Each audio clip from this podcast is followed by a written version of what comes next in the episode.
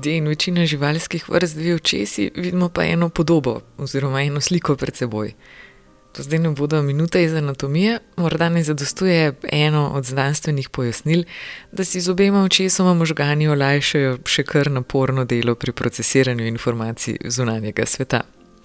Kar je uporabna istočnica, da z očesoma in možgani vstopimo v zbirko Kolumen, Urše za Bukovec, levo oko, desno oko ki pa gre v razlagi nekoliko dlje in se pri tem nasloni na nemško teologijo in pojasnilo, da ima ustvarjena človekova duša dve očesi.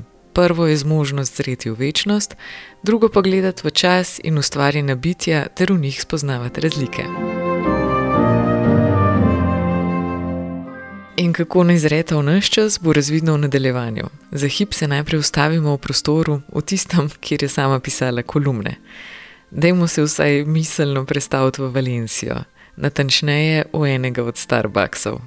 Ki ga sicer ne maram, ampak zapisati je pa dober, zato ker so tam sami študenti tuji in je ponavadi tišina, ni nekih pogovorov za umizi, ni glasne glasbe, je pa internet, ki dela in lahko se usedeš nekam precej udobno in opazuješ pač, recimo, skozi okno dogajanje. Se pravi, meni zelo spominja recimo to na knjižnico, v Nuku, ko so ljudje okrog tebe, ampak je vse en tišina. Ko se je v spredje naše pozornosti vse bolj tiho tapil koronavirus, je mizo v kavarni opustila in se presedla za domačo. To je precej, precej težje, ker so okrog tebe pač mož in otroci. Eh, in sem se mogla navaditi eh, pisati v kaosu. To nekako sem se navadila, je bilo pa precej težje. Težje se je zbrati, težje je pa tako imenovani flow, da pozabiš na stvari okrog sebe in da pišeš. Vendar je treba povdariti, da je tekst v resnici že sestavljen, ko se usede k pisanju. Delo upravi v gibanju, ko teče, kolesari, hodi v hrib. Potem, ko pridem domov, stvari niso več tako jasne, vse so nekako razvodeni. Pač, ko se človek giba, možgani delajo nekako drugače. Takrat je vse jasno, takrat je super. Če bi to lahko nekako odslikal direkt na papir, bi bilo to, mislim, to bi bilo Nobelova nagrada, ne, ne nominacija za Rožančevo. Urša je kolumne začela objavljati pred skoraj štirimi leti v delu in jih na to zbrala v knjigo Levo oko, desno oko, ki je bila, kot je rekla, nominirana za Rožančevo nagrado. Za njo je bila nominirana tudi za eseistično zbirko Vse živo, sicer pa je doktorica ruske filologije in prevajalka iz španščine, polščine ter ruščine. Za prevod romane Tatjane Tolstoj, Mjavsk, je prejela Sovretovo nagrado. Še čisto, čisto svež pa je njen prevod mladeniča, Fjodorja Mihajloviča Dostojevskega, o katerem bomo prav tako spregovorili v nadaljevanju podcasta. Urša je sicer velika poznavalka ruskega literarnega velikana in tudi avtorica knjige Neverbalni Dostojevski. Preden pogledamo, kaj vidita njeno levo in desno oko, povejmo, da podcast nastaja v sodelovanju s portalom Erbe Letrina, ustvarjava pa ga Klara Škrinjar in Maja Čakarič. Z Uršo za Bukovec sem se pogovarjala Maja. Urša v kolumnah preoprašuje, kakšen svet si postilimo in kako v njem spimo oziroma živimo, kakšna je torej vloga novih tehnologij, nadzora, kako deluje izobraževalni sistem, kje je mesto umetnosti, kam nas vrti ta globalizacija in kako jo poganja denar. Gleda v korona čas in razmišlja o času smrti. S kakšno mrežo torej zasleduje čas, ga lovi skozi oči in spušča čez miselno sito. Meni se zdi, da teme vsak, vsak ima, ki jih nabira od otroštva, nabira teme in, in stvari, ki ga intrigirajo, stvari, ki mu ne dajo miru. Ampak dokler sem živela v mestu, so te impulzi, ki so prihajali do zunaj, vse to zakrili, neko notranje moje dogajanje. Potem so se z družino preselili na podeželje. Takrat sem jaz doživela mogoče, ne vem, zdaj ta primerjava je pretirana, no? ampak uh, tako ga doživljajo menihi, ki se usamijo in potem se morajo boriti s svojimi demoni, to, kar prihaja iz notranjosti, pa ne samo iz notranjosti, tudi verjetno iz kje druge. Skratka, uh, nek, nekaj, mogoče eno, eno desetinko tega se mi je začelo dogajati, da so začeli, kar prihajati, so začele na, na površje neke, neke, neke ideje, neke, neke stare problemi, sanja sem začela več. To je ena stvar, druga stvar pa je, da pa iz te samote zahajaš v civilizacijo, recimo enkrat na teden, pa enkrat na dva tedna, vse dojemaš potencirano, vsaka stvar te bolj zadane. Vidiš, o, mogoče vidiš stvar, ki si jo prej vsak dan gledal v mestu, ampak se ti zdaj zdi čist nora. Absolutno nora. Ne? Recimo, jaz vem, da sem prvič šla tako po dolgem času v mesto, se mi zdi, da so vsi nori. Zakaj delajo ene stvari? Jaz ne bi tega nikoli delala. Ne, in se začneš sprašovati take stvari, na kaj pristajamo ljudje, ali pa na kaj se navajamo, pa se nam v bistvu ni treba. Stvari, ki se jih jemo za samo omejene, se ti pol zazdijo, pač, da so problematične. Ne? Tako si dobil skratka ogromen enih tem. Mislim, da ta samota, ta, to, to mi je veliko daljno, čist drugače začneš gledati na svet. Ne? Moram pa tudi to povedati, da ta samota, to ni bila čist moja zavestna odločitev. To je bilo, to je moje telo reklo, da ono ali bo odpovedalo ali pa ga pelem nekam stran. Ker jaz sem v mestu si uničila uh, spanje, ritem spanca, živce sem si uničila um, vse. Skratka, jaz nisem primerna za bivanje uh, v, v, v nekje, kjer, se, kjer so avtomobili, kjer tako. Jaz to nekaj, nekdo živi nad mano, pod mano, absolutno odpade. Ne? Recimo, jaz sem bila tedne in tedne, ki skoraj nisem nadspala, potem pa imaš še mehne otroke, ki že tako ne spiš. In je bilo to, mislim, to je bilo meje norosti. In moj mož si pa vedno želel pač živeti v zunanji naravi, ampak ni silu, ni me, ni me pač kaj posebej pritiskal, ko sem pa se ga prosil, odpeljal nekam stran. Kaos raznolikih urbanih impulzov lahko hitro preglasi lasten glas, zato pa ga tišina bolj ojača. Ja, ja, sama sem ga bolj slišala. Jaz mislim, da to vsi imamo. Ne? Jaz mislim, da je na svetu zelo veliko enih pisateljev in pesnikov, sam ne vejo, da to so in nikoli ne bojo, zaradi tega, ker imajo vse to utišano v sebi. Zato, da recimo tudi veliko ljudi, ki ve, da, ali pa hoče, biti, hoče ustvarjati, recimo besedno, hodi na neke eh, štipendije, eh, ne vem, na neke goro za en mesec, da se umiri in tako naprej. Ne? Pač to dejansko je treba imeti mir. Verjetno ne vsi, recimo Dostojevski, on je ustvarjal v, ustvarjal v totalno čist drugačnih okoliščinah. Um, pač eni pa rabimo, eni pa rabimo mir, ne, da, da lahko to vse začutimo.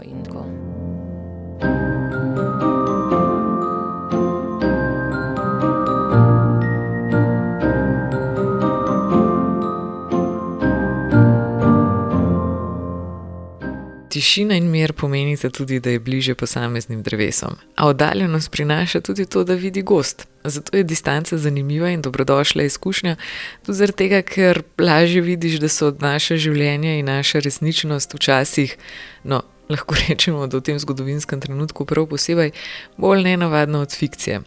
Spet pa fikcija otegne biti celo bolj resnična od realnosti, ki jo živimo.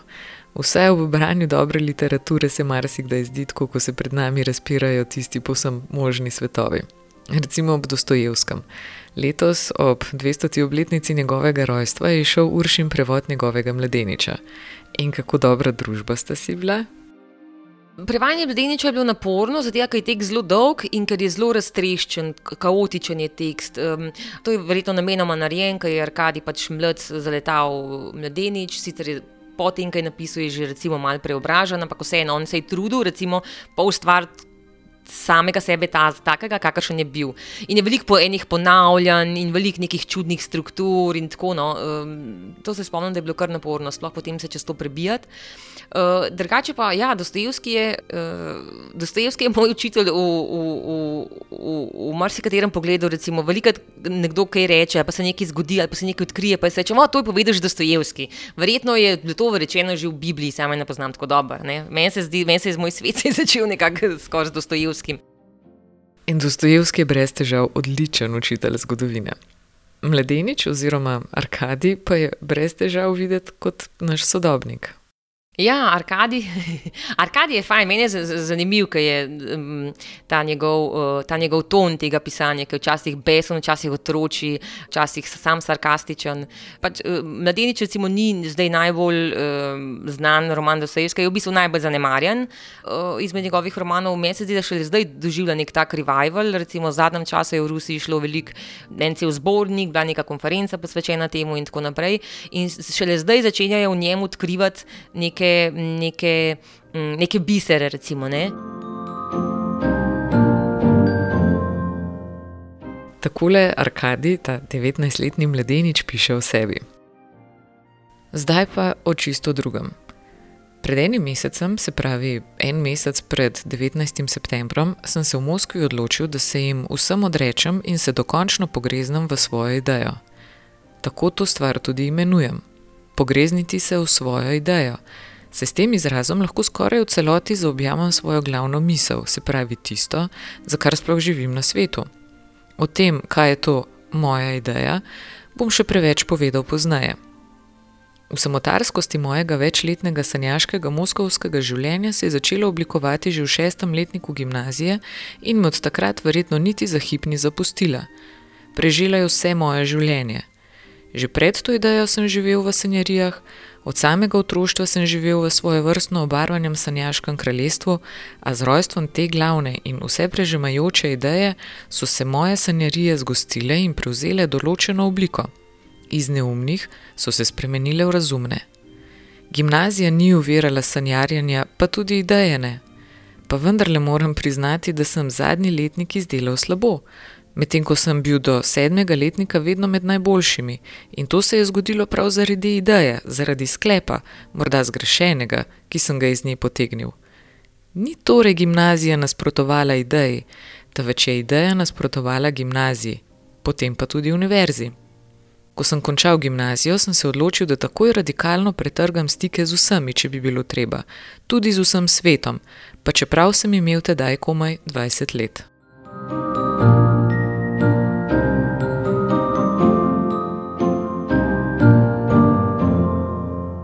Kako pa Arkadija vidi Urša, ki je z njim preživela dolge mesece? Arkadij se mi zdi, da je zelo. Um zelo sodoben. Sej Dostojevski je še vedno zato pač popularen, ker je zelo sodoben, eh, ker kaže od tega otroka iz naključne družine, se pravi razsute družine in človeka, ki. Mm, ki nima mentorja, ne? ki nima mentorja. Recimo, mi živimo z idejami, tako kot pri Arkadiju. Pojavljajo se nam neke ideje, ki se lahko spremenijo v čustvo, ideja v čustvo in v neke strasti, ki nas ženejo. Tako kot pravi Arkadij, recimo, da ideja, mm, ideja je fajn stvar, ne? ampak lahko te pa odtrga od resničnosti. Ne? In če nimaš ti pravega mentorja, ki bi te znal usmerjati, ti lahko zapadaš v popolnoma bizarne, bizarne smeri, ne? lahko si zavoza življenje. Ne? Recimo, Arkadi hoče postati ročil in podobno. Ne? In tako naprej. No, in potem Dostojevski pokaže, kako, kako lahko človek najde mentorja. Ponavadi tako da ga ne išče, ampak, ampak mu sam pride nekako naproti. Ne? Nekje je recimo rekel, uh, nedoumljive so poti, po katerih Bog išče človeka. Tud, tud, tud, Bog vedno najde človeka prek drugega človeka ne? in ti nikoli ne veš, kdaj se ti bo recimo, to zgodilo. Arkadijo se zgodi, ko se bolane enkrat zbudi in zasliši neko molitev v drugi sobi in gre ti ja pogledati in tam en stari sedi in takrat začne neko, njegovo življenje recimo, recimo spreminjati.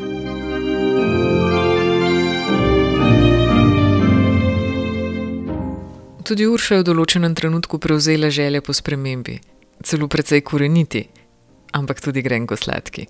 Misli so ji namreč uhajale med obiralce, no, obiralke pomaranč. Sem imela obdobje, ko sem zelo razmišljala o tem, da bi kaj drugega počela, ampak jaz ugotavljam, recimo, da um, imamo tam doma živali, pa imamo vrt, pa imamo vse zadeve, ampak jaz še vedno večino časa preživim z računalnikom, tudi kam mi ni treba. Ne, meni je to enostavno dobro, meni je to enostavno dobro delati, meni so knjige v redu, jaz to od vsega, kar delam, še najbolj to znam delati. Ne. Zdaj z leti ugotavljam tudi, recimo, da tudi če bi si želela delati, ker bi bilo to zelo težko, ker ne vem, bi se lahko sploh naučila, kako bi se naučila in tako naprej. Kako bi se prilagodila, absolutno, ne, ker človek z leti, to so prevajalci ali pa pisci vedno jamrajo, kako je problem samote, ne, to je samotno delo. Eh, meni je všeč, recimo, samotno delo in človek se z leti še posebej navadi, postane, postane odvisen od te samote. In, um, Težko bi se, no, temu bi se težko, pogojem bi se težko odpovedala, recimo, redni plači, to bi lahko sprejela, recimo. ne, ne bi se pa, težko bi se pa odpovedala tem pogojem, no, skratka, samote in da si sam urediš dan, da si sam urejaš projekte in tako naprej. Pa še sama to srečo imam ta privilegij za enkrat, da si lahko sama izberem, recimo, večinoma prevode. In potem si izberem take, ki mi bojo, recimo, ustrezali, ki so mi všeč in tako naprej. Tu in tam dobim tudi kakšnega tako od, od, recimo, od zunaj, se tudi malo prilagodiš, pa ugotoviš, da tudi ni recimo tako slabo. No.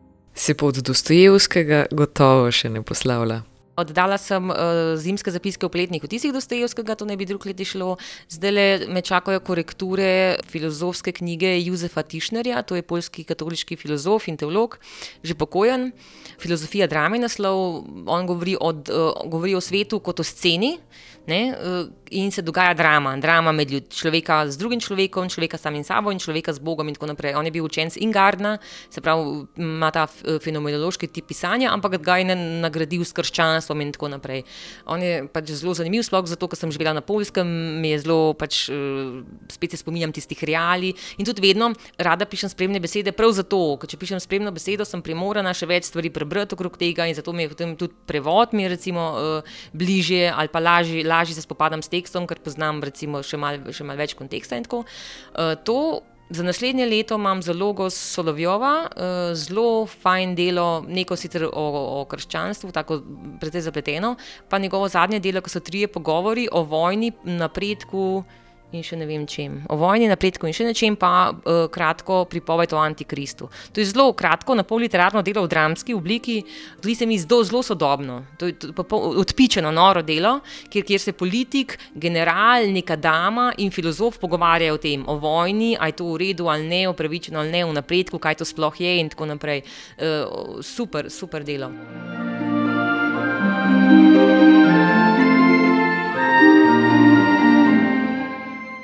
Drugač pa mislim, mislim, če mi bo rad ali še napisati ene, ene eseje o Dostojevskem. No.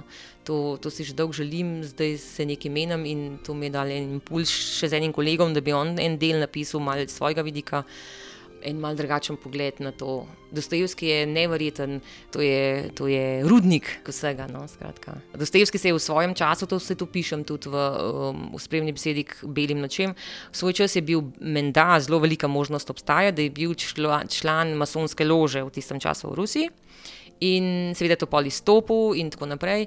Potem so v Rusiji to prepovedali, masonske lože, car je to prepovedal in je to šlo vse v potalje, on pa tudi ni nikoli o tem govoril. Parkrat se v romanih, ki je omenja. Ne?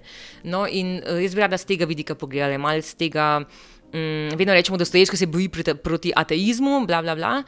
Rada bi pogledala z tega vidika, ali mogoče Dostojevskega um, intrigirajo oziroma se boji, bori proti proti, ne toliko proti ateizmu, kot proti nekim, nekim graditeljem sveta, ki imajo neke svoje polgnostične vizije o tem, kako bi svet, kako, kakšen svet je in kako ga je treba preurediti in kako mora stvar funkcionirati. No. Se mi zdi, da to je zelo nekaj in to, to ne bo znanstvena študija, to, bo es, to bojo eseji, ampak bojo malo na podlagi teh zgod, literarne zgodovine in nekih indicev, ki so jasni, ne, recimo iz pisem ali pa iz, iz kakšnih zapiskov njegovih, potem bom pa ta nek svoj pogled oziroma svoje razumevanje tega.